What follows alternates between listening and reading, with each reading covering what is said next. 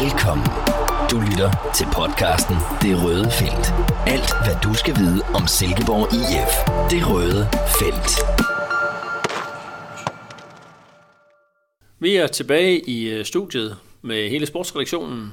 Velkommen til Mathias Hove Andersen Tak. og sportsjournalist, også sportsjournalist Michael Hellesø. Mange tak. Og jeg selv er Peter A. Sørensen, sportsredaktør. Og jeg nu faktisk, ligesom vi gik ind i studiet, øh, kom der lidt øh, solskin, men det har jo faktisk været lidt regn i dag. Ikke øh, verdens bedste vejr. Jeg ved ikke, om det er et tegn på, på et nederlag for SIF i går. Hvordan er humøret sådan, hvis vi sådan mere generelt i, hos de to unge sportsjournalister? Ja, men jeg synes egentlig, det er okay. Altså, det er jo ikke lige den præstation eller resultatet i går, der gør det, men jo, jeg føler mig egentlig godt tilpas. Ja, men jeg kan, jeg kan være på linje med det, men, uh, men lidt ærgerligt, at jeg fik ikke fik et point eller to, eller tre undskyld med hjem fra Viborg. Det havde det gjort lidt, uh, lidt sjovere. Nej, nu er der jo også under to måneder til juleaften, så det er vel også, jeg er med en masse små børn, det er vel også det, der glæder jer, men uh, ah, skal, vi, skal vi lade den hænge der i, uh, i luften, Mathias? Skal jeg se på det, eller hvad? Der er ingen kommentar herfra. Jamen, øh, jeg kan jo byde, byde velkommen til en øh, podcast. Vi har masser af emner. Hvis jeg skal lige løfte lidt sløret af dem, vi skal selvfølgelig runde øh, Viborg-kampen. Så har du, Mathias, øh, kan fortælle os noget spændende omkring øh, billetter, gratis billetter. Og det er jo altid godt. Så skal vi selvfølgelig også lige vende, at på fredag aften kommer Randers FC til Jysk Park. Og så synes jeg også lige, at vi skal runde nogle af de spillere, som jo er lidt inde i vælten i øjeblikket. Vi har øh, en Musunda, vi har også lidt op i front Adamsen Lind, og så skal vi selvfølgelig runde hele den her 10'er-situation. Øhm, og så synes jeg, vi lige slutter af. Der er jo en ny omgang omkring med Tobias Alkvist ved at blive, øh, måske ved at blive solgt, eller måske slet ikke ved at blive solgt, men øh, det vender vi tilbage til lige om lidt. Lad os lægge ud med Viborg-kampen, øh, Mathias. Hvad fa- øh, Undskyld, det må man jo ikke bande her i vores podcast, fik vi at vide sidst. Hvad, hvad, hvad skete der deroppe, især i de, de første 30 minutter? Det var da øh, en trist oplevelse. Vi to sad deroppe og kiggede på. ja, altså SIF blev jo overmatchet, synes jeg, et øh, langt stykke hen ad vejen i, i første halvleg, og formåede ikke på noget tidspunkt at ja, komme ind og dominere spillet med bolden, selvom der var ellers masser af boldbesiddelse til gæsterne, og det havde vi jo egentlig håbet lidt på, at det godt kunne være, kunne være noget af det, vi skulle se, men de, de var ikke ret gode, når de så fik fat i den. Og så synes jeg, det store problem var, at Viborg de lykkedes med at bringe en masse fysik ind i det der opgør. Der var en del dueller inde på midten, og vi sad også på et tidspunkt sådan, ja, der efter et kvarters tid og, ærgede os lidt over, at bolden den ikke var mere nede på jorden, fordi man vidste godt, at lige så snart, at, Ja. at den var oppe i de højere luftlag, så var det øh, hjemmeholdet, der dominerede, og det var jo så også det, man så både, ja, især da, da Mentor scorede med hovedet, men også, øh, også det andet mål. Altså, Viborg de havde succes med at lægge pres på SIF-feltet øh, i flere omgange, og ja, der var jo ikke så meget at sige til egentlig, at de kom foran med 2-0, og de kunne faktisk også være kommet foran med 3, så det var, det var en tung første halvleg langt hen ad vejen. De får lidt bedre styr på det, skal det så også sige, Ja, i, i slutningen ja. af, af første halvleg, og jo egentlig ganske udmærket i anden halvleg, synes jeg. Det var ikke sådan horribelt på den måde, som nogen måske vil gøre det til, men øh, ja, det var, det var desværre øh, det samme udgangspunkt og udbytte, som det plejer at være, når vi er en tur i Viborg. Øh, stadigvæk, som Michael sagde sidste gang, vi skal tilbage til 2016. Tre mål af Skjert Latse. Det er altså ved at være en sommer eller to siden. Ja, det må, det må vi erkende. Øh, skuffende. Jeg var da må indrømme, jeg var rimelig skuffet efter første halvleg. Øh, men måske også netop, fordi det er noget, vi har set før. Altså de hold, der tør gå op og kys SIF, virkelig spille øh, hårdt fysisk mod dem. Det er som om, at det giver dem vanskeligheder. Men som øh, Ken Nielsen også sagde efter kampen i går, at jo jo, men de her hold, de kan, de kan sjældent holde det i 90 minutter. Så SIF har det jo med at komme igen, og nu sad jeg også lige, altså boldbesiddelsen det er jo over 60 procent øh, boldbesiddelse til, til SIF, hvilket egentlig overrasker mig en lille smule, men jeg, når jeg tænker over det, jamen, så er det også rigtigt nok, SIF sad jo tungt på det, egentlig på spillet i anden halvleg. Noget af det fik de selvfølgelig også lov til, men, øh, men ja, øh, så jeg synes, jeg er sådan lidt, jeg har lidt svært ved at drage en konklusion på den kamp, men jeg synes, jeg var virkelig skuffet efter første halvleg, men de kom jo fornuftigt igen, og med lidt held, så har vi jo siddet og snakket om en 2-2 kamp her. Ja, men det er jo der for SIF, der handler det jo bare om, at man, man står igennem i de der perioder, i, i- hvor, hvor et, det, det mere fysisk stærke hold vil trykke på, og det, det, det formodede man jo ikke i år i første leg. Og, og, og når man har været 2-0 i en Superliga-kamp, så bliver det bare rigtig, rigtig svært at vinde det, øh, desværre. Så øhm, det er lidt ligesom også i Randers, øh, der, der kom sejrsmålet godt nok lidt sent, men, men de der hold, der kan formå at, at slå Sifs, øh, spille lidt i stykker og, og kyse dem lidt, det, det er ikke, øh, det er ikke øh, Sifs øh, livret desværre. Man kan også godt ærge sig over, at de så ikke får reduceret noget før. Altså Ja. fordi Anders Klynge får jo en kæmpe mulighed på dag, bagspol, bagstolpen. Han har, sovet, han har sovet skidt i nat.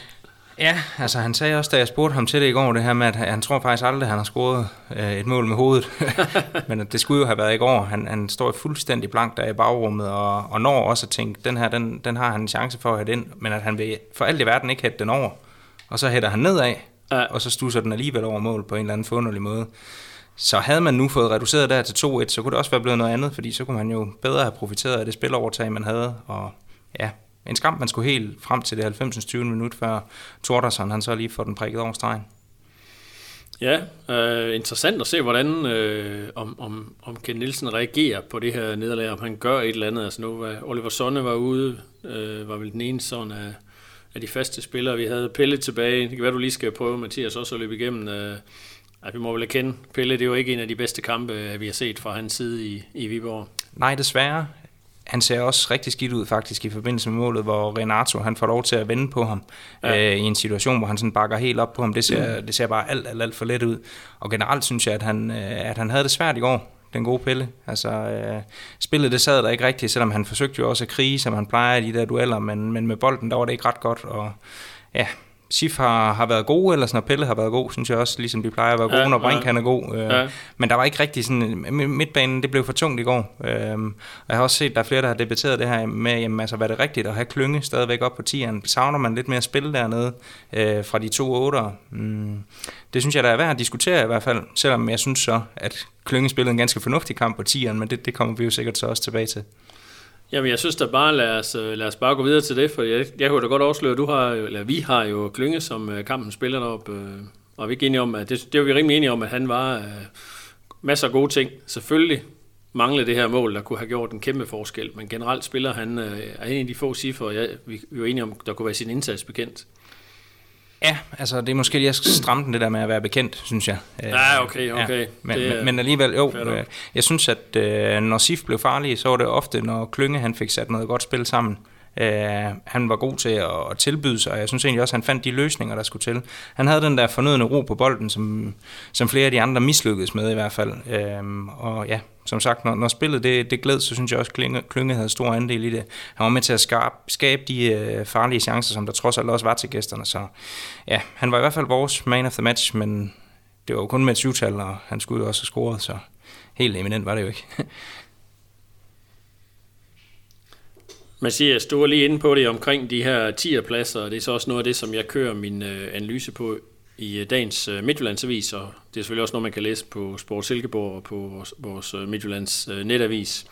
Det er jo noget, vi har diskuteret før, og vi sad også og kiggede lidt på hinanden der i anden halvleg, hvor da anden halvleg går i gang, jamen så 10'erne, det er jo Tony Adamsen, normal angriber, Anders Klynge, normalt central midtbanespiller, og så lige nede foran os, der stod der jo en hel stribe Sifor, som jo egentlig er indkøbt til den her 10. plads, men der var ikke nogen af dem, øh, som kom i spil. Jo, til allersidst i kampen, eller de sidste 18 minutter, der kommer Tingstedt og Kasper Kusk så ind. Men er vi ikke enige om, at her har Ken Nielsen altså virkelig en udfordring? Altså, det kan ikke være rigtigt, at man har købt bunker af spillere ind, der burde kunne spille på den her 10. plads, men han bruger jo nogle andre. I hvert fald i går gjorde han i, i de sidste, det meste af slutningen af anden halvleg.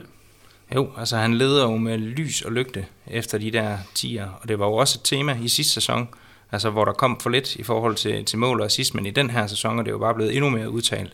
Man har ikke den der helt oplagte stjerne på tieren, og man har slet ikke to af dem i øjeblikket. Nej. Og det der med, at det både er Frederik Carlsen, det er Kasper Kusk og det er Søren Tengsted, der står og kigger på på samme tid, mens man spiller med en angriber og en midtbanespiller derop. Altså det, det springer jo bare i øjnene. Ja. Og jeg synes også, det understreger, at det er et problem for Sifte der. Øh, det skal så også sige, selvfølgelig giver det også nogle muligheder i forhold til, når der bliver skiftet ind. Ja. Tony Adamsen igen i går øh, leverer jo et ganske glimrende indhop, synes jeg, er med til at gøre sig farlige. Men som øh, tiger. Som tiger, ja. ja. Ja, lige præcis. Øh, men altså, det skal de jo også være for ja, positionen, ja, ja. dem der bliver sat ind. Ja, ja, helt enig. Øh, men Callum greb jo ikke, Callum McCout greb jo ikke øh, chancen fra start af i går. Fik så et lille skrub og, og udgik i pausen, om det så har noget at sige. Det skal jeg ikke øh, gøre mig klog på lige nu her. Men, men nej, de mangler noget det gør de, og det er svært at sige, jamen, hvem er det lige, der er det helt oplagte bud på en tier. Lige i øjeblikket, så synes jeg jo faktisk, altså sådan helt personligt, at, at det er Tony, der gør det bedst på den der position.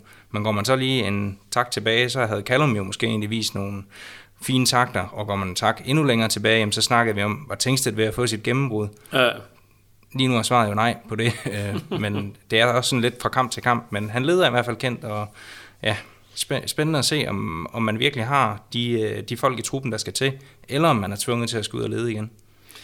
Jeg tænker i hvert fald, det må være enormt frustrerende for Kent Nielsen, ikke? fordi øh, nu er jeg selv over at se videre kampen, hvor øh, Macauert jo scorer to gange i første halvleg, og øh, det ser spændende ud.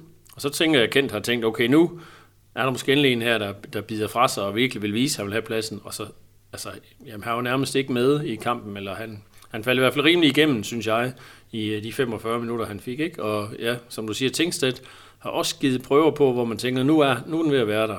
Og ja, ja, øh, vi nåede faktisk lige at have en artikel med ham om, at øh, han måske havde bidt sig fast, hvorefter han jo så to kampe senere ryge på bænken, fordi han så, at niveauet er faldende. Altså det er jo, øh, det må være en, det må være en frustration for Kent, og han må virkelig være i tvivl øh, om, hvad han skal gøre. Jamen det tænker jeg da også, og, han, og det er jo virkelig svært, fordi øh, ganske rigtigt, så gør Tony det jo rigtig godt, når han kommer ind på en tier, men vi har jo kun set det sådan som indhopper. Og det er jo tit, hvor, hvor kampen er lidt mere åbne, og modstanderne er lidt mere trætte, og der er lidt mere plads at spille på. Det er også tit der, Kasper Kusk er bedst, når han får mulighed for at præge tingene. Men, men det er jo ikke sikkert, at de vil gøre det specielt godt fra start. Øh, det er jo den overvejelse, altså, ja. man hele tiden skal gøre sig. Og det er jo, det er jo virkelig en udfordring, at der, der ikke er i hvert fald en, der, der sætter sig sådan tungt på den plads, som dengang Wallis øh, eksempelvis øh, var, var helt klart en tier. Øh, tier stjernen, og, og Sebastian Jørgensen også spillede rigtig godt ved siden af. Der, der, mangler, der mangler man altså noget, og øh, jeg, jeg tror at det giver øh, Kent en del øh, overvejelser i, i ugens løb, om hvordan han lige skal øh, sætte de der pladser sammen.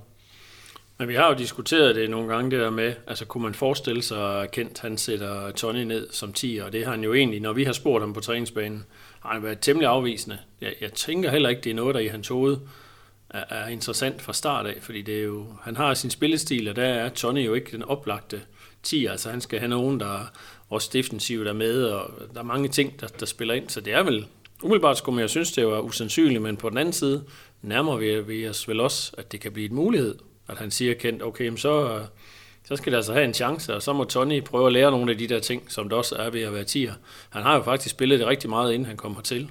Men øh, det ved jeg ikke. Er det bare os, der er lidt nogle tosser, der sidder og diskuterer den her Tony og tier, eller hvad? Skal vi, skal vi bare lukke det ned og sige, det kommer ikke til at ske? Nej, men altså for hver uge, der går, der tænker jeg, at øh, chancen bliver større og større. Jeg ser det stadigvæk ikke som sådan en kendt øh, sådan ønskeformation, eller ønskeopstilling på nogen måde, men, men altså i takt med, at man leder efter nogle, nogle permanente løsninger, så bliver man jo nødt til at prøve nogle andre ting af, og, og som du også siger, Tony har jo spillet den plads godt nok på et noget lavere niveau end, end i Superligaen, og øh, øh, altså jeg kan sagtens se ham spille. Det, det kan jeg, jeg, jeg kunne bare være lidt bange for, at man øh, ligesom, at han kan falde lidt ud af det, og man ikke rigtig får nok ud af hans kvaliteter, hvis han nu spiller en team, hvor, hvor en kamp er fastlåst og så videre, der ikke, der ikke er så mange åbninger, så, så, så har man jo brugt det trumfkort. Jeg synes jo, det er en fed mulighed at kunne sætte ham ind i en kamp. Altså, ja. det er virkelig, hvor, hvor andre måske er knap så gode som indskifter. Der synes jeg virkelig, at han er en af dem, der kan give noget som en joker-type. Øh, men, øh, men altså, hvor, omvendt, hvorfor skulle han ikke også kunne gøre det fra start? Altså, det, det kan jeg jo da sagtens se for mig. Så, øh, så, så det, jeg er spændt på at se, hvornår, øh, hvornår den, øh, den mulighed den opstår. Men Mathias, du, du har sådan tidligere i hvert fald været rimelig øh, sådan afvisende over for den mulighed, den skulle opstå. Men, øh, men hvad tænker du? Uh, jeg vidste ikke lige bolden, den skår til mig der. Du, du husker godt, Michael. Ja, Ja, jeg har det, jeg har det også øh, ligesom dig. Jeg synes, at øh, fra hver uge, der går, så bliver jeg da også mere og mere lun på tanken. Og jeg, jeg, altså, jeg synes jo, at i går, der går der, hvad, to minutter eller sådan noget, så har han allerede været mere farlig, end, end Macau var i 45 minutter. Men det, det er bare, det er svært, synes jeg. Også fordi, vi, vi sad jo også efter OB-kampen, øh, og snakkede om, om, om Kent havde valgt den rigtige opstilling, og skulle Macau ikke have været inden for start og sådan noget. Så jeg synes, den, ja, den, den ændrer sig sådan lidt fra gang til gang, den der præmis og udgangspunktet, men det er jo også en del af charmen i det her, at der er en udvikling hele tiden, så, så nu fik jeg padlet en masse uden at svare på de spørgsmål. Men så, så synes jeg, at jeg hiver et nyt spørgsmål i hovedet, der er fredag, Randers FC, Jysk Park. Hvem er de to tiger, når kampen den starter? Og er det de to, I tror, det er, det så også dem, I gerne vil se selv? Blev der stille? Ja. Jeg tror, Peter umiddelbart at Søren Tingstedt godt kunne være inde igen. Ja. Øhm, han bliver alligevel også farlig igen i går. Han rammer overlæggeren på et hovedstød. Han har et andet hovedstød, der går lige forbi. Ja. Jeg kunne godt øh, forestille mig, at i din hjemmekamp mod Randers, så starter han med Tingstedt og sammen med Klynge. Ah, det var mit bud, det der, Mathias. Det var, jeg, skulle have været. jeg skulle have meldt mig først. Det er faktisk også det, jeg tænker, der sker. Og så har man et par, par livlige typer som Macauert og, øh, og, øh, og hvad hedder Tony Andersen og, og Kasper Kusk, for den sags skyld også, at kunne sætte ind. Jamen, jeg må jo, øh, det er jo selvfølgelig meget billigt her som træer, men jeg må ikke tilslutte mig. Jeg tror faktisk også, det, det der, den ender. Det er lidt svært at se så mange andre muligheder. Hvis vi nu har udelukket Tony, så... Øh, men øh, jeg tænker også, at Tony kommer, kommer tidligt ind, hvis han, hvis han havner på, på bænken igen. Så nu har Kent Nielsen chancen for at vise, hvor lidt forstand på fodbold vi tre vi har. det tror jeg også gerne, han vil. Vi springer videre. Mathias Hove, du er i øh, fokus nu, fordi øh, der, vi har jo noget så fedt som øh, gratis billetter. Det kan jeg huske, det var jeg da selv altid vild med, specielt da jeg var yngre. Øh, nu, nu kommer vi jo til så mange kampe, men lad os lige øh, tage os lige igennem. Også ja, ikke mindst, hvordan får man fat i de her gratis billetter? Ja, jeg ved ikke, om jeg er i fokus, men jeg er i gavehumør i hvert fald. jeg har, øh, Julemanden. Ja, det, det er tidligt, men øh, ja. jo. To gange to billetter udlodder vi jo til den her øh, hjemmekamp på fredag mod Randers FC. Og så har vi jo gået lidt og tænkt over, jamen, hvordan skal vi gøre det? Øh, og vi vil jo gerne ja, også åbne en dør til alle de trofaste lyttere, som vi heldigvis har derude, og tak for det i øvrigt i den forbindelse. Øh, det eneste, som I skal gøre derude, hvis I har lyst til at være med i lodtrækningen omkring de her to billetter, det er at sende en mail til sport mja.dk, og så skal I skrive SIF som emne. Så øh, trækker vi lod på onsdag kl. 12. Og så sidder du og tænker, to billetter, men var der ikke to mere? Jo, det er der. Men dem vil vi jo så gerne sætte i spil til øh, de dejlige abonnenter, vi har på sportsilkeborg.dk, øh, hvor de så kan vinde to billetter. Øh, og der går man så ind på sportsilkeborg.dk. Der ligger en artikel øh, ret højt på siden, hvor man skal klikke ind på den. Det vil fremgå ret tydeligt, hvad det er for en artikel. Øh, og der skriver man så SIF i debatfeltet, som er i bunden af den her artikel. Når man har gjort det, så er man også automatisk med i, i lodtrækningen om to gode billetter over på, øh, på maskot-tribunen. Så vi håber på øh, stor tilslutning til det her, og ja, vil jo så forsøge på den her måde at understøtte, at vi får nogle flere folk på Jysk Park. Ja, og det er jo kun været fedt, øh, flere mennesker på Jysk Park. Og også fedt med øh, gratis billetter. Jeg vil da øh, i min omgangskreds, hvis jeg kender nogen, der lige står og mangler en billet, sige, de er med at hoppe på og være med. Så øh, fedt, Mathias. Vi øh, takker for det. Mit navn er Pelle Madsen, og du lytter til Det Røde Felt. Det er Randers FC, der venter her øh, fredag aften på øh, Jysk Park. Øh, ikke de allerbedste, øh, forhis, ikke allerbedste forhistorie, man må sige, sige fra med Randers FC. Tabt, øh, var det ikke 1-0 deroppe øh, sidst, efter heller ikke, som jeg husker, der ikke nogen speciel god kamp. Hvad er det for en størrelse, Michael? Var det dig, der var oppe i Randers sidst? Uh, nej, det var det, det var det ikke, men jeg har dog set sidst tabe en del kampe op i Randers, synes jeg. Jeg, jeg ja. synes, der er sådan en rimelig stor forskel på, om man skal møde dem på Jysk Park eller, eller, eller i, i Randers. Jeg, har sådan ikke, jeg er ikke så nervøs, når det gælder herude, vil jeg sige. Altså, der, der, der synes jeg, det bliver en kamp, der, der, der passer SIF noget bedre, end det ofte gør i Randers. Så, øh, men, men det er jo et hold, der efter en meget, meget vanskelig sæsonstart er, er kommet bedre og bedre i gang. Ser, ser meget mere solid ud nu under træner Rasmus Bertelsen. Øh, Senest i, i, i går var de jo, øh, altså udfordrede man jo virkelig i FCK og kom foran to gange og, og havde FCK i sådan på hælene i store, store dele af kampen, men, men, men ender så alligevel med at tabe. Røg også ud af pokalen mod Brøndby. Øh, man spiller meget tætte kampe, også øh, mod AGF for nylig og så videre. Så det er sådan hold, der, der er sådan rigtig, øh, så mange superhold i Superliga-hold i virkeligheden er. Altså, hold, der formår at gøre kampene tætte og, og vanskelige, og, og, og det, det, det kan jeg også sagtens se for mig igen på, øh, på fredag. Øh, det er sådan en rigtig, et rigtig Randershold, solidt, og, ja, men også med nogle øh, spændende typer. Altså, øh, jeg, jeg kan for eksempel godt lide Philip Bungård, en meget talentfuld offensiv spiller, der også scorede mod FCK nu her. Så, øh, så et hold, der sagtens kan gå ind på SIF, men, men som jeg startede med at sige, hjemme på Jysk Park, der kan jeg godt se SIF øh, være, være toneangivende. Ja, jeg er også sådan forholdsvis fortrøstningsfuld, men det var nu altså også inden Viborg-kampen, så det er selvfølgelig ikke den bedste, det bedste udgangspunkt. Men øh, jeg sad og kiggede lidt på, på Randers' statistik. Altså, øh, de har kun fået 6 point i de, øh, i de seneste... Øh, det, må, det, må i, det må være de sidste seks kampe, vi snakker om. Øh, hvor Sif har klaret sig væsentligt bedre, men så kommer man alligevel til at kigge lidt nærmere ind, at årsagen er jo så også, at Randers i de sidste fire, øh, som de ikke har vundet nogen af, der har de jo altså mødt FCK, AGF, Brøndby og FC Midtjylland. Og så er der seneste sejr, så for fem kampe siden, hvor man slog SIF med 1-0 i Randers. Så det er jo også, øh, også gode modstandere, man skal måske passe på med at konkludere alt for meget om øh, kriser eller modvind i, i Randers mod de hold, de har mødt. Så ja, jeg tænker, det bliver ikke nogen let kamp, men forhåbentlig bliver det SIF-hold, der vil ud bevise, at det her i Viborg, det er ikke, øh, det er ikke sådan, den daglige standard er. Og hvis Randers vælger at bruge samme taktik, som man vil godt kunne forestille sig, prøve med noget masser af fysik, jamen altså så på kunstgræsset i Silkeborg, så må man gå ud fra, at det er det, de får, jamen det træner de selvfølgelig på hver dag, for at spille sig ud, på det pres, ud af det pres, og så er det bedste hold i den kamp. Det må vi... Er det ikke det, Mathias, vi satser på? Jo, vi sad, vi sad jo oppe i Viborg der i går, Peter, så vi havde jo ikke fornøjelsen af at, at se deres kamp øh, nej, nej. mod FC København. Men den foregående mod AGF, øh, der synes jeg ikke, de spillede særlig godt. Nej. Men de formåede alligevel også at få gjort det til sådan en eller anden form for slåskamp. Altså det blev virkelig ikke en pæn omgang fodbold for hverken det ene eller det andet hold. Og øh, hvis man får succes mod det, eller med det mod SIF, jamen så har de jo også gode betingelser, synes jeg. Så igen, selvom vi har sagt det mange gange, det gælder jo om at få ja, bragt kampen over på egne præmisser og dyrke egne styrker og alt det her. Så ja, lad SIF komme tilbage på sporet på, på kunstgræsset, det vil klæde dem.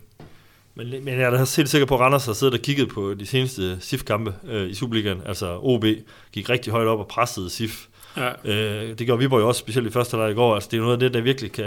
Altså, det har man jo selvfølgelig set. Det, det er et taktisk våben, der nogle ja. gange virker mod SIF. Øh, problemet er jo så bare, hvis det er sådan, man, øh, man ikke sidder der i presset, så kan man også virkelig komme til at se dumt ud. Specielt på Jysk Parks øh, hurtige underlag. Men, øh, men der er i hvert fald, man har i hvert fald kunne finde noget inspiration i, hvordan man kan gøre livet surt for SIF. Så det, det er jeg lidt spændt på at se, hvordan, øh, om, om Randers evner at gøre det på fredag også. Men i hvert fald kan man sige, i forhold til, når man snakker kampen Randers AGF, så for mig ser jeg SIF jo væsentligt bedre spillende hold end AGF, som jo netop nok har problemer med at spille sig ud af sådan en pres, hvor de mister bolden rigtig meget. Så man må håbe, at, øh, at SIF kan gøre det. Man kan jo i hvert fald sige øh, tre point, så vil jeg umiddelbart vurdere, så, så er man i top 6. Jeg tror, det er meget tæt på, at 29 point kan gå hen og blive nok. Det kommer selvfølgelig meget ind på, om, om, om SIF nu har sat Viborg i gang, om de kommer blæsende ned øh, bagfra. Øh, så kan det selvfølgelig godt komme til at knive med de 29, men, men 30-31 point, så er man i hvert fald videre. Og SIF har altså, har altså 26, selvom man tabte i, i uh, Viborg. Det ser rigtig pænt ud, når man kigger på tabellen nu. Det er også det, man skal hæfte sig ved. Der er stadigvæk 10 point ned. Så ja ja, jeg er heller ikke bekymret for, at det kommer til at glippe i forhold til top 6. Jeg tror, øh, ja, det, det skal nok gå alt sammen.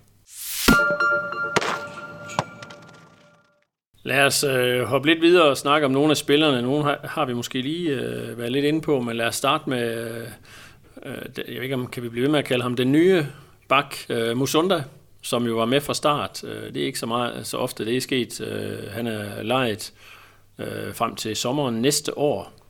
Og altså, jeg må jo indrømme, øh, selvom mange også gerne vil snakke om hans defensive udfordringer, så synes jeg jo, at han frem af banen virkelig giver SIF noget. Altså, det er jo helt vildt, så mange indlæg, der kommer fra ham. Så kan man så diskutere, om de var helt skarpe nok. Det var de måske ikke øh, nødvendigvis oppe i, i Viborg, men han kommer virkelig øh, frem til meget. Han har også en situation, Mathias, vi sidder og snakker om, hvor han sådan midt på øh, Viborgs halvdel lige stopper lidt op, og så laver han den der finte, og så er han altså bare væk ned ad sidelinjen, og så kommer der en ganske udmærket, øh, ganske udmærket aflevering ind i feltet. Og flere af de her farlige situationer, Sif har i går, er jo også efter nogle indlæg for ham. Øh, er det Tony, der også har et hovedstød, der går lige forbi, og næsten op i trekanten, og, og andre situationer. Så jeg må indrømme også, øh, jeg er sådan en relativ fan af ham, og hvis det stod til mig, så vil jeg nok beholde ham. Øh, så, vil jeg, så vil jeg køre ham på en øh, kontrakt, selvfølgelig ud fra den forudsætning, at man forventer, at Oliver Sonne bliver solgt. Men der er jo den her ubekendte med, vi har også Jens Martin Gammelby på vej ind, Andreas Poulsen. Altså, vi har snakket en del om de her baks. Hvad, hvad tænker I? Hvor, hvor var I henne, øh, hvis I skulle sidde og vælge? Hvem er det, man skal satse på? Jeg synes, det taler meget for, i forhold til Musunda, det der med, at han kan dække begge baks. Altså, han kan spille i begge sider, når der bliver behov for det. Ja. Men jeg, jeg er lidt mere loren i forhold til det der med defensiven, end du er, Peter. Ja. Altså, jeg synes også, han spiller en god kamp i går, og jeg synes, at han fik udfordret uh, Viborgs venstre side flere gange, også kvæg sin fart. Der er også en enkelt uh, omstilling på et tidspunkt, ja, hvor, uh, hvor Sif fører bolden frem, og hvor han kommer sådan lidt ud af det blå, og han er simpelthen så hurtig, så de når ikke at følge med ham på midten. Det er alligevel sjældent, man ser det i Superligaen på den der måde, at der er en, en spiller, der, der direkte bare løber fra de andre. Uh, så det i sig selv er jo også et våben, og jeg synes egentlig også, der var fin kvalitet i hans indlæg. Men altså i den anden ende, det var jo også sådan, ja, i ind, eller på indlæg fra Viborgs venstre side, at SIF havde problemer ja. øh, i, i den dårlige periode første halvleg i går. Og selvom man, man ikke, ikke kun kan tilskrive det Musunda, øh, altså at det skulle være hans skyld, så synes jeg alligevel, at han fylder for lidt. Øh, og, ja, det, det er der, jeg ser det største problem. Der er selvfølgelig meget, man kan arbejde på der, men stadigvæk, det er, en, det er en bak, der er han 28 år eller sådan noget. Ikke? Det er jo ikke fordi, at man sådan kan gå ind og, og lære ham nye tricks, tror jeg. Øh, det bliver svært, øh, og sådan skal gøre ham så struktureret, som, som andre baks måske er i deres defensive arbejde, og det, det kan måske godt blive hans akillesal på den lange bane også. Men, men er det ikke også en pris, man bare må sige, det, det er vi villige til at betale, hvis han er så dygtig offensivt, som han er? Ja. Altså der synes jeg jo, øh, han, giver, han, han giver bare så meget andet med sin, altså han har virkelig et frisk pus med de her offensive kvaliteter. Og så må man jo, så må man jo sørge for at, at, at, at sætte ham i en side, hvor han eksempelvis kan få hjælp øh, af Pelle Madsen, bedre hjælp, end han fik i går i hvert fald. Øh, så han ikke kommer til at blive isoleret øh, med, med en kantspiller og en bak, der, der, der kan løbe rundt om ham derovre. Men, men det er selvfølgelig, det er jo klart, øh, vi har jo ikke, øh, vi har heldigvis ikke set det så meget endnu i SIF, at han er blevet udfordret definitivt, men, øh, men, men det, er jo, det er jo der, han har nogle, nogle, nogle, nogle udfordringer, men, øh, men altså min anbefaling vil være, hvis den der hvis der er aftalt en god pris i den der lejeaftale med Horsens, så synes jeg, at SIF skal slå til. Også fordi han kan spille i begge ender, som uh, Mathias, eller begge sider, som Mathias han nævner. Men har vi ikke bare haft den her diskussion med en stribe andre backs i Silbo Silkeborg IF? Altså Oliver Sonne var det store tema også på tv omkring, hvor mange mål han kostede i, i, øh, over i den højre forsvarsside, men hvor man sagde, at han er så stærk frem med banen, og derfor kan vi godt leve med det. Faktisk havde vi den samme diskussion med Lukas Engel, som nu render rundt på øh, rimelig højt niveau. Altså, hvor, hvor man også snakkede om, at han var udfordret defensivt, og det var vel derfor, han rører holdet i Vejle, fordi man ikke vurderede, at han var stærk nok i defensiven. Altså, jeg har sådan lidt, jo, jeg kan godt se det. Det er helt tydeligt at se, at der er nogle mangler, men for det første er han så hurtig, at han redder nogle af dem ud. Øhm, så altså, som minimum vil jeg beholde ham som tredje, tredje valget på de to baks. Altså, så kan det godt være, at man kører med to andre som første valg, men han vil være en god spiller at have, og kunne smide ind, også som I er inde på, at det er jo en kæmpe gave, øh, at kan spille begge backs øh, i begge sider, ikke?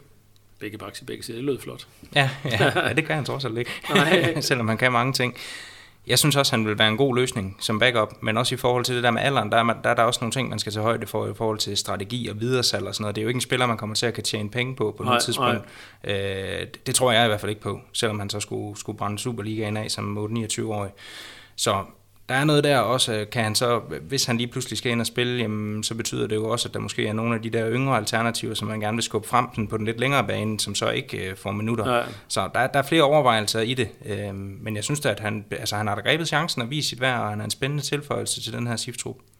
Men er han foran, øh, hvis man skulle vurdere det lige nu øh, i dag, altså er han foran Andreas Poulsen? Det er jo lidt samme situation, der skal tage stilling til sommer. Øh, skal de blive, eller skal de væk?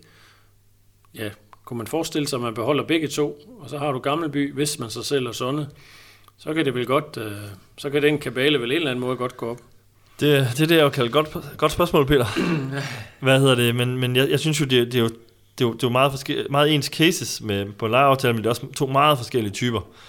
Øh, jeg, jeg kan egentlig godt se SIF beholde begge to, øh, hvis øh, Andreas Poulsen, øh, det er primært ham, der skal overbevise mig om, at han er værd at satse på. Jeg synes, øh, ja. Sondag allerede har vist nok øh, til, at, at jeg, jeg godt kan se ham spille en, øh, en, et, et par sæsoner yderligere SIF. Øh, men til Andreas Poulsens fordel vil jeg så sige, at jeg synes jo også, det er rigtig, rigtig dejligt, det der med at have en venstrebenet vensterbak, der kan nogle ja, ting. Ja. Det så vi også med, Andreas, uh, undskyld, med Lukas Engel, da han var bedst. Altså, det giver virkelig også noget, at man har en spiller, der kan, der kan det. Uh, men uh, så, så altså, hvis, hvis, hvis begge præsterer godt resten af sæsonen, så kan jeg godt se det for mig. Jeg synes, det, det er to vidt forskellige typer, der, der på hver, hver sin måde kan bidrage med noget øh, øh, på sifholdet.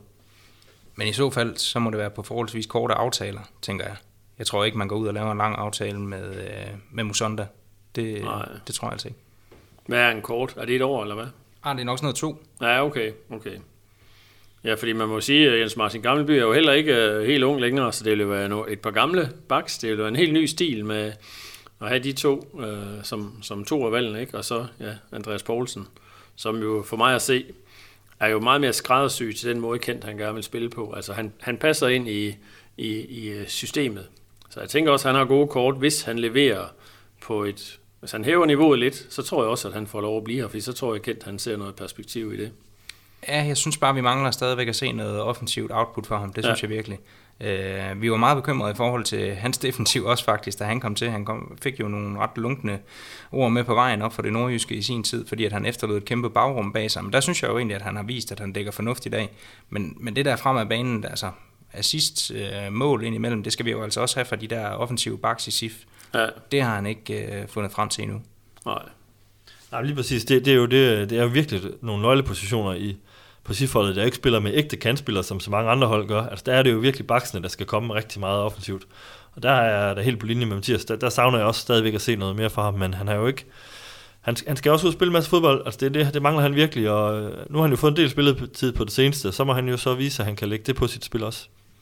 Ja, man må jo sige, at vi får vel et tydeligt signal øh, fredag aften, fordi nu er Oliver Sonne, vi må gå ud fra, at han er sikker starter på højre bak. Så kan vi jo se, hvem, hvem starter kendt med. Øh, tør jeg komme med et bud på det? Altså, jeg kunne godt, faktisk godt forestille mig, at det bliver Andreas Poulsen. Han holder fast i. Dog gik han jo ud, bad om at blive taget ud, virkede lidt træt, øh, så måske kan det tale for det modsatte, men jeg vil ikke blive overrasket, hvis det er sådan en kendt starter, selvom jeg personligt nok synes, det kunne være sjovere at, at have Musunda med fra start. Der er i hvert fald flere spørgsmålstegn, end der har været i lang tid under ja, Kent Nielsens øh, regime, kan man vel ikke kalde det. Det lyder sådan lidt hårdt. Ja, det lyder lidt Men under hans ledelse i Silkeborg IF, der har været rigtig, rigtig lang tid, hvor man kunne sige, at han starter med den og den og den og den. Det kan man så sige 11 gange. Øh, men det kan man ikke rigtig længere. Og det et eller andet sted er det jo lidt sjovt, fordi når man kigger på tabellen, så går det jo ganske glimrende, og SIF ligger godt til, men der er bare mange spørgsmålstegn rundt omkring, hvor det ikke bare lige giver sig selv, hvem der spiller, og det er jo næppe en styrke, altså ellers havde han jo byttet mere ud tidligere også, så ja, der er alligevel sådan lidt skår i glæden, synes jeg. Jo, men omvendt så er det jo også, der er jo lidt mere bredde. Altså, det er sådan den positive side af det. Jeg, jeg synes det selvom det selvfølgelig har været bedre, hvis man havde et fuldstændig sat hold, som i, i bronzesæsonen, hvor det bare øh, nærmest gav sig selv, øh, ret ofte i hvert fald, hvordan man skulle stille op, så, så er der nogle forskellige typer, man kan spille ud nu.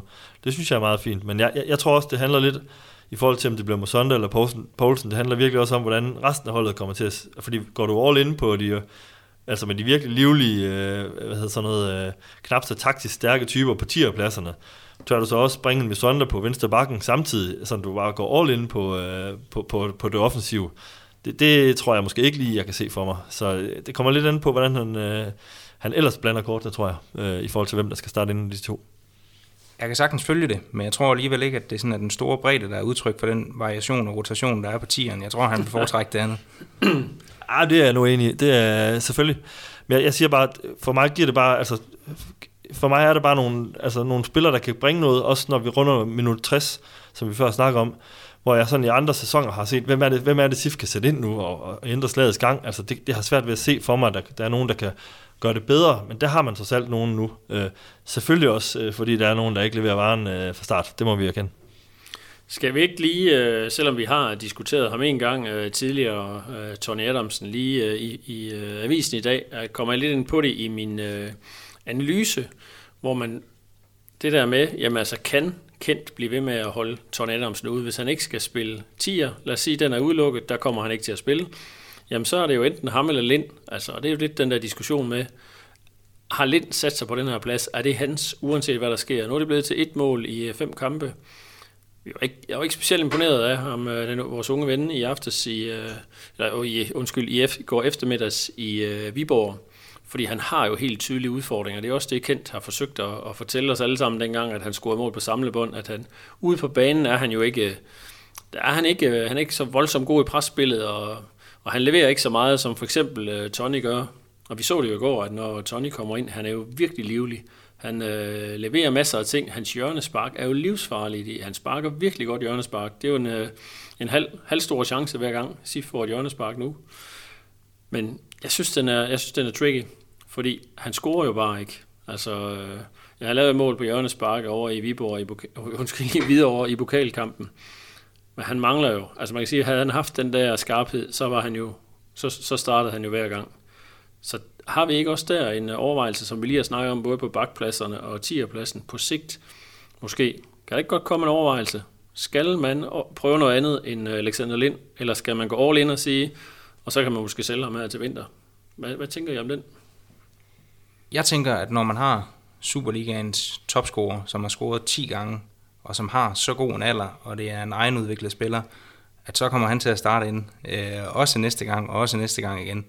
Jeg kan sagtens forstå overvejelsen, øh, og Tony var jo egentlig også inden sæsonen udråbt som første angriber. Ja, Så jeg kan sagtens forstå overvejelsen, men jeg tror ikke på, at han går ind og piller Alexander Lind ud af startopstillingen nu. Det vil overraske mig meget, men det, ja, Kent har også overrasket mig før. altså de kommer jo fra en små ringkamp mod øh, OB, og nu øh, scorer de for lidt, selvfølgelig, øh, oppe i øh, Viborg, men hvor man også må erkende, at tingene ikke flaskede sig. Altså, tror jeg ikke, det er en overvejelse. Altså, Tony har jo altid haft en, for mig at se, haft en rimelig høj stjerne ved øh, Kent Nielsen. Også han, øh, ja, faktisk inden han røg ind i alt det her med sygdom og skader, ramte han faktisk også et temmelig højt niveau. Jeg husker jo stadigvæk kampen mod AGF, hvor han så godt nok heller ikke scorede, men hvor han øh, virkelig leverede godt. Men, øh, men ja, jeg tror også, jeg, jeg hænger på samme øh, side som dig, Mathias, at det er svært at pille ind ud, fordi han lever op til alle. Altså, du kan vinge af på alle parametre i forhold til alder, mulige salg, og man kunne sige, at det ville jo være win-win for alle parter, hvis nu man solgte, øh, hvis man faktisk solgte Lind her til, til vinter for en god pris, eller hvad? Er det for tidligt at skyde ham af? Ja, den er også svær, den der diskussion. Hvis han stopper helt med at score mål resten af det her øh, efterår, skal man så sælge ham, så er der nogen, der vil sige, ja, så skal det være nu, fordi så øh, er det bare med at få pengene ind på bogen, øh, mens han stadigvæk er et godt navn. Men altså, man kunne måske også godt argumentere for, at han er værd at holde på på den lidt længere bane, den gode Alexander. Altså så mange førsteholdskampe har han stadigvæk heller ikke spillet. Nej. Der er stadigvæk udviklingspotentiale i drengen. Øhm, så jeg synes heller ikke, at det er sådan noget med, at man skal sidde og sige, jo, han skal, han skal skyde sig sted nu.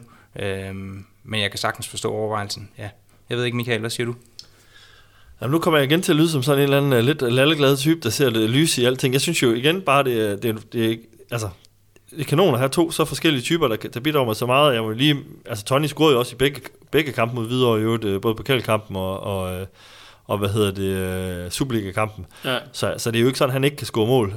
og jeg synes også, i forhold til Alexander Lind, det paradoxale lidt er, i, nu var det ikke for godt i går i Viborg, men, men jeg synes faktisk mod OB, at det var noget af det bedste, jeg har set ham spille, sådan rent... Øh, hvis man fratager alt det, der, alt det, der skal ind i boksen, altså øh, det der evne til at holde fast i bolden, fordele det, øh, holde modstanderne væk, øh, med den der opspilstation, der synes jeg faktisk, han har lagt en lille smule på, øh, i hvert fald bedømt på den kamp mod OB.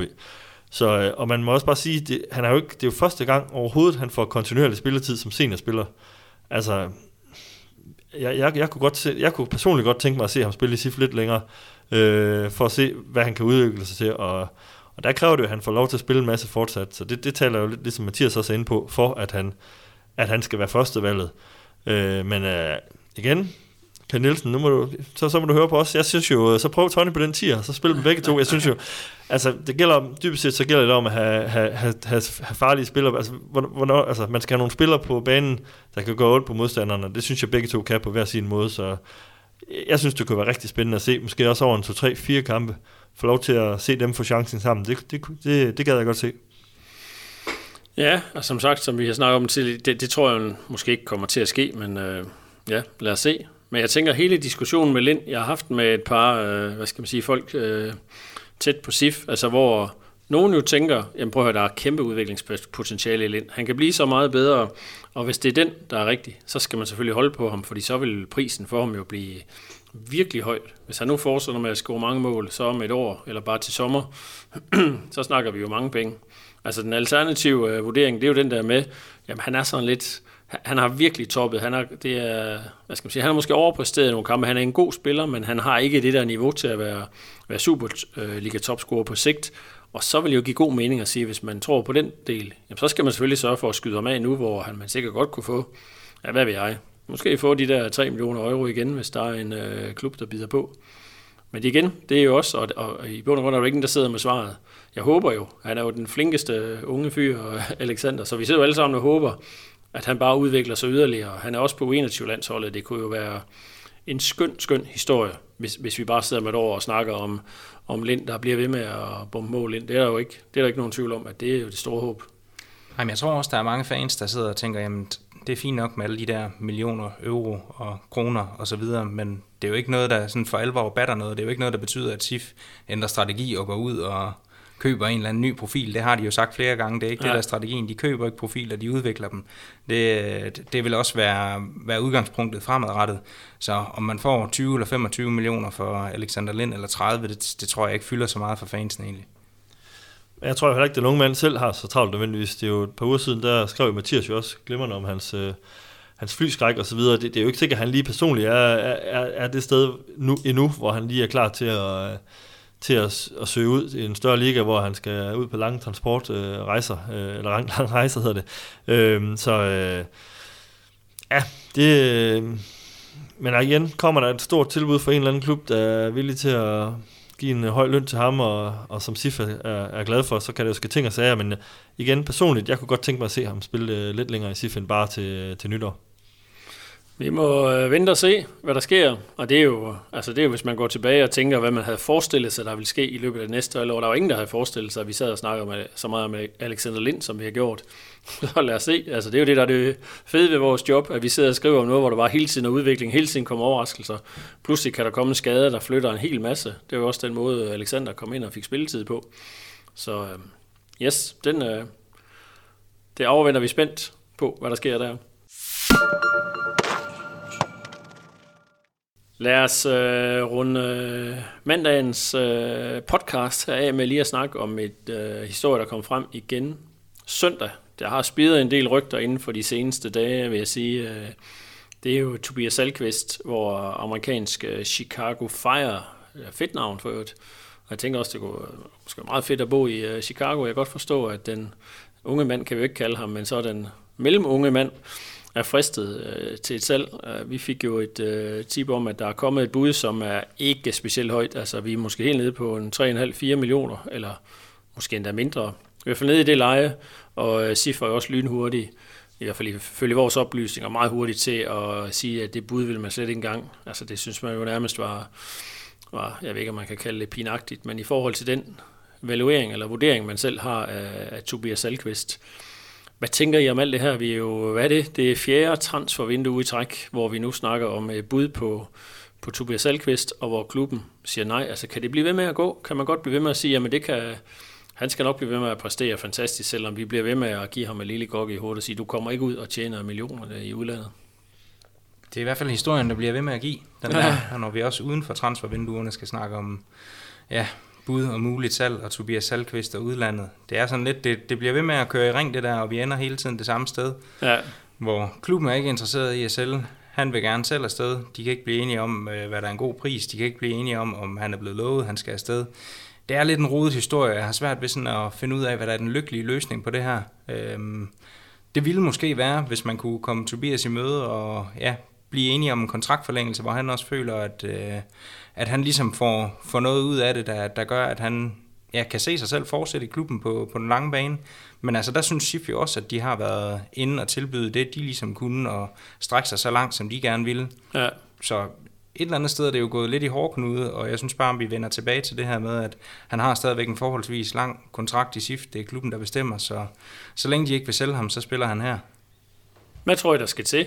Jeg spurgte uh, Jesper Stykker i går, hvad deres uh, vurdering, om han ville komme ind på det. Det vil han selvfølgelig ikke uh, sige. Der er vel også, jeg ved ikke, om det også har nogen betydning, at de er børsnoteret. Det har det vel egentlig ikke.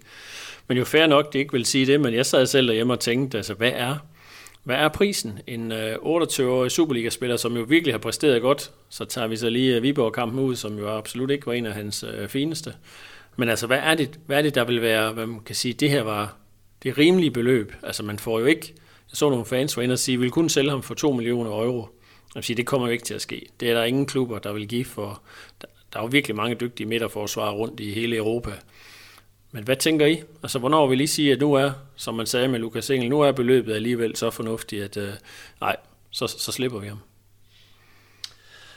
Ja, jeg synes, den er virkelig svær, fordi at, øh, som jeg tror, jeg har nævnt før i, i en af vores udsendelser, så, så synes jeg bare, at hans værdi for cifrene er så stor at øh, jeg, jeg, vil jo, jeg vil jo, jeg kan, altså selvfølgelig skal Sif ikke sælge ham som peanuts, og jeg synes, det er peanuts, når man begynder at snakke om knap 4 millioner, øh, eller noget af stil det, det, det, synes jeg simpelthen ikke er, det synes jeg ikke er seriøst for en Superliga-profil. Jeg synes faktisk, han er en decideret Superliga-profil efterhånden. Jeg, jeg, jeg har svært ved at se, øh, altså jeg kan ikke bare lige sådan nævne, for, for, sådan skyde for hoften, og så bare lige nævne øh, 7-8 midtstopper, der er bedre end ham, nødvendigvis. Altså selvfølgelig, selvfølgelig er, ikke, er han ikke på landsholdsniveau eller noget af den dur, men jeg synes bare, han er, han er rigtig, rigtig god, og han er, der er rigtig, rigtig, rigtig langt mellem de, øh, de halvsløje præstationer. Så han, øh, og jeg synes virkelig også, det taler til Tobias' øh, ros, at han, øh, på trods af alle de her gentagende vinduer, hvor der har været den her snak, så har han jo præsteret fortsat. Og det tror jeg også, han, øh, selvom han får de her gok i nøden, så har han også en lille forestilling om, at han fortsat vil præstere på et højt niveau. Øhm, men for at svare på dit spørgsmål, øh, hvis jeg skal... det var en lang indflyvning. ja, lige præcis. Så øh, altså, jeg, jeg, jeg, jeg skal mindst op... Altså, jeg- 10 millioner, så synes jeg, okay, så er det jo virkelig, virkelig godt. Det, det, det, men det synes jeg faktisk også, der skal til for at sælge ham. Øh, for jeg synes ikke, øh, altså en million euro, det vil sige 7,5. Altså, der, der tror jeg, man får ret mange utilfredse fans, øh, hvis det sker. Øh, men øh, på den anden side, det er jo det der dilemmaet, har vi også en ung mand, man jo virkelig har, ja, øh, måske til, til kendegivet over for, at han, øh, han også fortjener at komme ud øh, og få chancen på et tidspunkt, og det gør han jo virkelig. Han fortjener jo virkelig at komme ud og få chancen og få den her udlandseventyr. Så, øh, men okay, lad os sige 8-9 millioner, så, øh, så, så kunne jeg også godt se det ske. Men øh, hvad tænker du selv, Peter? Altså, jeg tror ikke, at der på noget tidspunkt kommer et bud på Tobias Alkvist på 8 millioner, så vil jeg sige, og jeg tror faktisk heller ikke, der kommer på 1 million euro. At, øh, ja, det forløb dengang, at Malmø bød 6 millioner, øh, og det, det, ja, det, det må være det leje. 5-6 millioner kan der godt ske at komme bud. Og så skal han virkelig gøre det fantastisk. Og så skal det jo lige være den der klub, der står og mangler.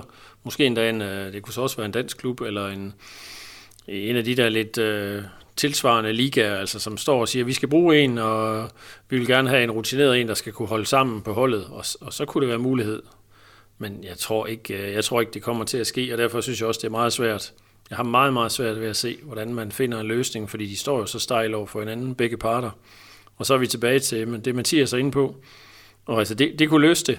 Og det kunne, SIF kunne jo sagtens bare sige, jamen så giver vi, øh, vi laver en ny kontrakt, det giver dig et øh, forholdsvis pænt sign-on fee, og et, jeg ved ikke, hvad det hedder i den anden ende, når kontrakten den stopper sign-on, hvad, off. øh, og så kan man jo, øh, altså det vil jo kunne løse det. Men det gør man jo bare ikke. Jeg, jeg Ken Madsen er jo ikke typen. Jeg, jeg, jeg, jeg kan ikke lige se det for mig, at man pludselig smider, hvad ved jeg, 2-3 millioner. Det er jo et, et eller andet sted, at det småpenge, er det blevet i Silkeborg IF.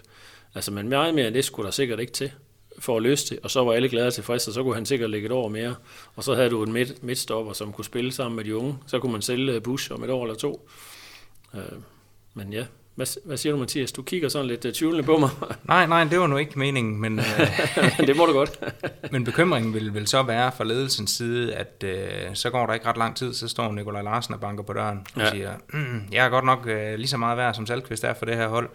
Og når han så lige har lukket den, så griber Mark Brink døren, hvis ikke han skal til at ud af den. Ja. Øhm, og, og sådan kan vi blive ved hele vejen op igennem, altså at, at det kommer til at brede sig som ringe i vandet, at man så pludselig står med en for dyr trup, øh, og at man så også fremadrettet, når man skal ud og rekruttere spillere, har bevæget sig op på et lønniveau, hvor det bliver endnu sværere for SIF at være med.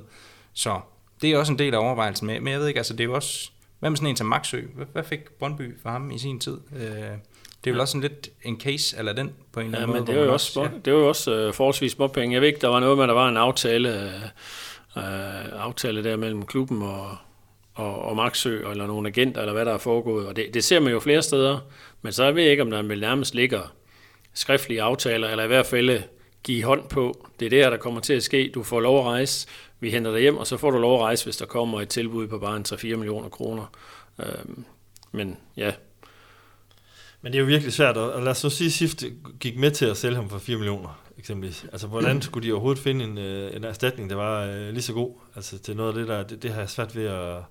Altså, det er det, der gør den så vanskelig, synes jeg. Og jeg kan virkelig godt se det fra Tobias' side også. Altså, han har, han har gjort en kæmpe indsats for SIF nu i, i, i, i flere sæsoner, og fortjener jo virkelig at komme afsted. Øh, men SIF står jo også med en nøglespiller, altså har man lyst til at bare forære ham væk, det, ja, det har man jo heller ikke. Så øh, ja, jeg kan også godt forstå, at han gerne vil ud og vise sit værd i udlandet igen. Det var jo ikke fordi, at hans tur til Varslan Beveren, det blev det helt store eventyr. Lillestrøm, det var også en, en lunken omgang, selvom at han, han jo egentlig selv præsterede ganske fint, så endte det jo med en, en nedrykning for dem øh, deroppe i Norge.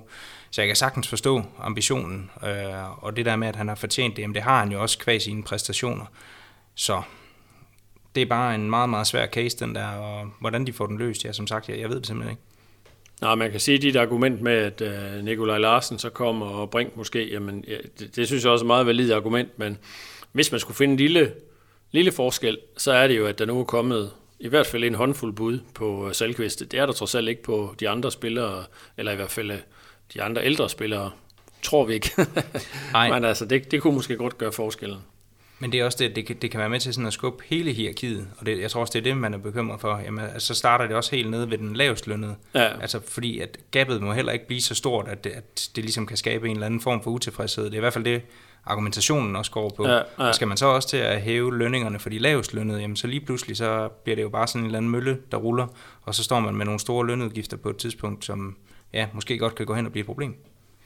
Men nu nævnte, øh, nævnte de selv øh, Mark Brink, og øh, Michael, du har jo fat i Brink, og det ligger vel også i korten, at altså jeg tænker jo, at de spillere, der faktisk er størst sandsynlighed for, at der bliver solgt, at det er vel Oliver Sonne. Ham kunne jeg sagtens se for mig blive skudt afsted her til vinter. Og så tænker jeg, at det kan være Mark Brink, som så kunne måske, hvis, man, hvis det så kunne blive til sommer. Og, øh, prøv lige, hvad, hvad, hvad, hvad, hvad sagde han selv om det? Ja, men Mark var også rimelig øh, klar i mailet faktisk. Altså, øh, han, øh, han var jo tæt på, øh, hvad hedder det, han var jo, ja, han, der var i hvert fald et par muligheder for, for ham for at komme væk i, i sommer også, og, øh, og det faldt jo blandt andet på, at Sif fik noget at, at, at, at hente, en anden, øh, hente en erstatning for ham. Øh, det, det, har man jo haft mulighed for siden, øh, og hans, hans kontrakt udløber jo om, øh, ja, altså til sommer er der et år tilbage af den, og han sagde jo direkte til mig, at det ligger ikke i korten. Altså, det er ikke første prioriteten, at den forlænges. Altså, han, han vil gerne ud og Ja, prøve noget andet. Han har, han har mødt OB og OB, øh, som man siger. øh, og det, det kan jeg også godt øh, se. Øh, altså, han er jo... Øh, ja, igen en spiller, der har en rigtig stor værdi for SIF, og igen en spiller, der ikke er helt ung, selvom han jo heller, bestemt heller ikke er gammel. Øh, men det i, i, i transfermæssigt øje med, der, der er det jo, betyder det jo bare noget, om man er 19-20 år, eller man er 25 eller 28. Så, øh, så hvis SIF skal have lidt penge for ham, øh, så, øh, så er det også øh, til sommer, man skal sælge ham. Måske endda allerede til vinter. Der venter nogle øh, spændende måneder, og i hvert fald igen, må man jo sige, et enormt spændende øh, transfervindue, som vi selvfølgelig vil følge meget, meget tæt på både Midtjyllandsavis.dk og Sport Silkeborg.dk. Og, øh, men skal vi ikke lige, inden vi lukker ned for i dag, Mathias, skulle du ikke lige øh, fortælle dem, der sidder derude og drømmer om en gratis billet til kampen på fredag, hvordan var det nu, man fik fat i den, hvis man øh, gerne ville det? Jo, skal jeg se, om jeg selv kan huske det. Send en mail til sport og bare skriv SIF i emnefeltet. Så er du automatisk med i øh, den her lodtrækning, som vi foretager på onsdag om to billetter til maskottribunen. Og udover det er der så to yderligere billetter til maskottribunen, som man kan komme med i kampen om, hvis man går ind på sportsilkeborg.dk og er abonnent derinde, så går man ind på en artikel, og det vil være tydeligt at se i toppen af sitet, hvad det er for en artikel. Tryk ind på den, og nede i bunden af artiklen, der er der et felt til debat. Der skriver man SIF, og når man har gjort det, så er man automatisk med i lodtrækningen. Og så skal vi selvfølgelig lige kunne få fat på folk i form af, men vi har vel deres øh, mailadresse og sådan noget, spørger jeg lige dumt, eller... Det har vi. Vi skal nok finde jer. Ja, det er så fint. Men øh, lad det være udgangsreplikken, og så øh, glæder vi os jo bare helt vildt til næste. Det er jo fedt, de kommer så tæt, de her kampe i øjeblikket, og det jo, fortsætter jo he- helt ind, langt ind i december. Så øh, tak fordi I vil øh, være med, Michael og Mathias. Det var så lidt. Velbekomme. Tak for i dag. Tak fordi du lyttede med. Vi høres ved næste gang i det røde felt.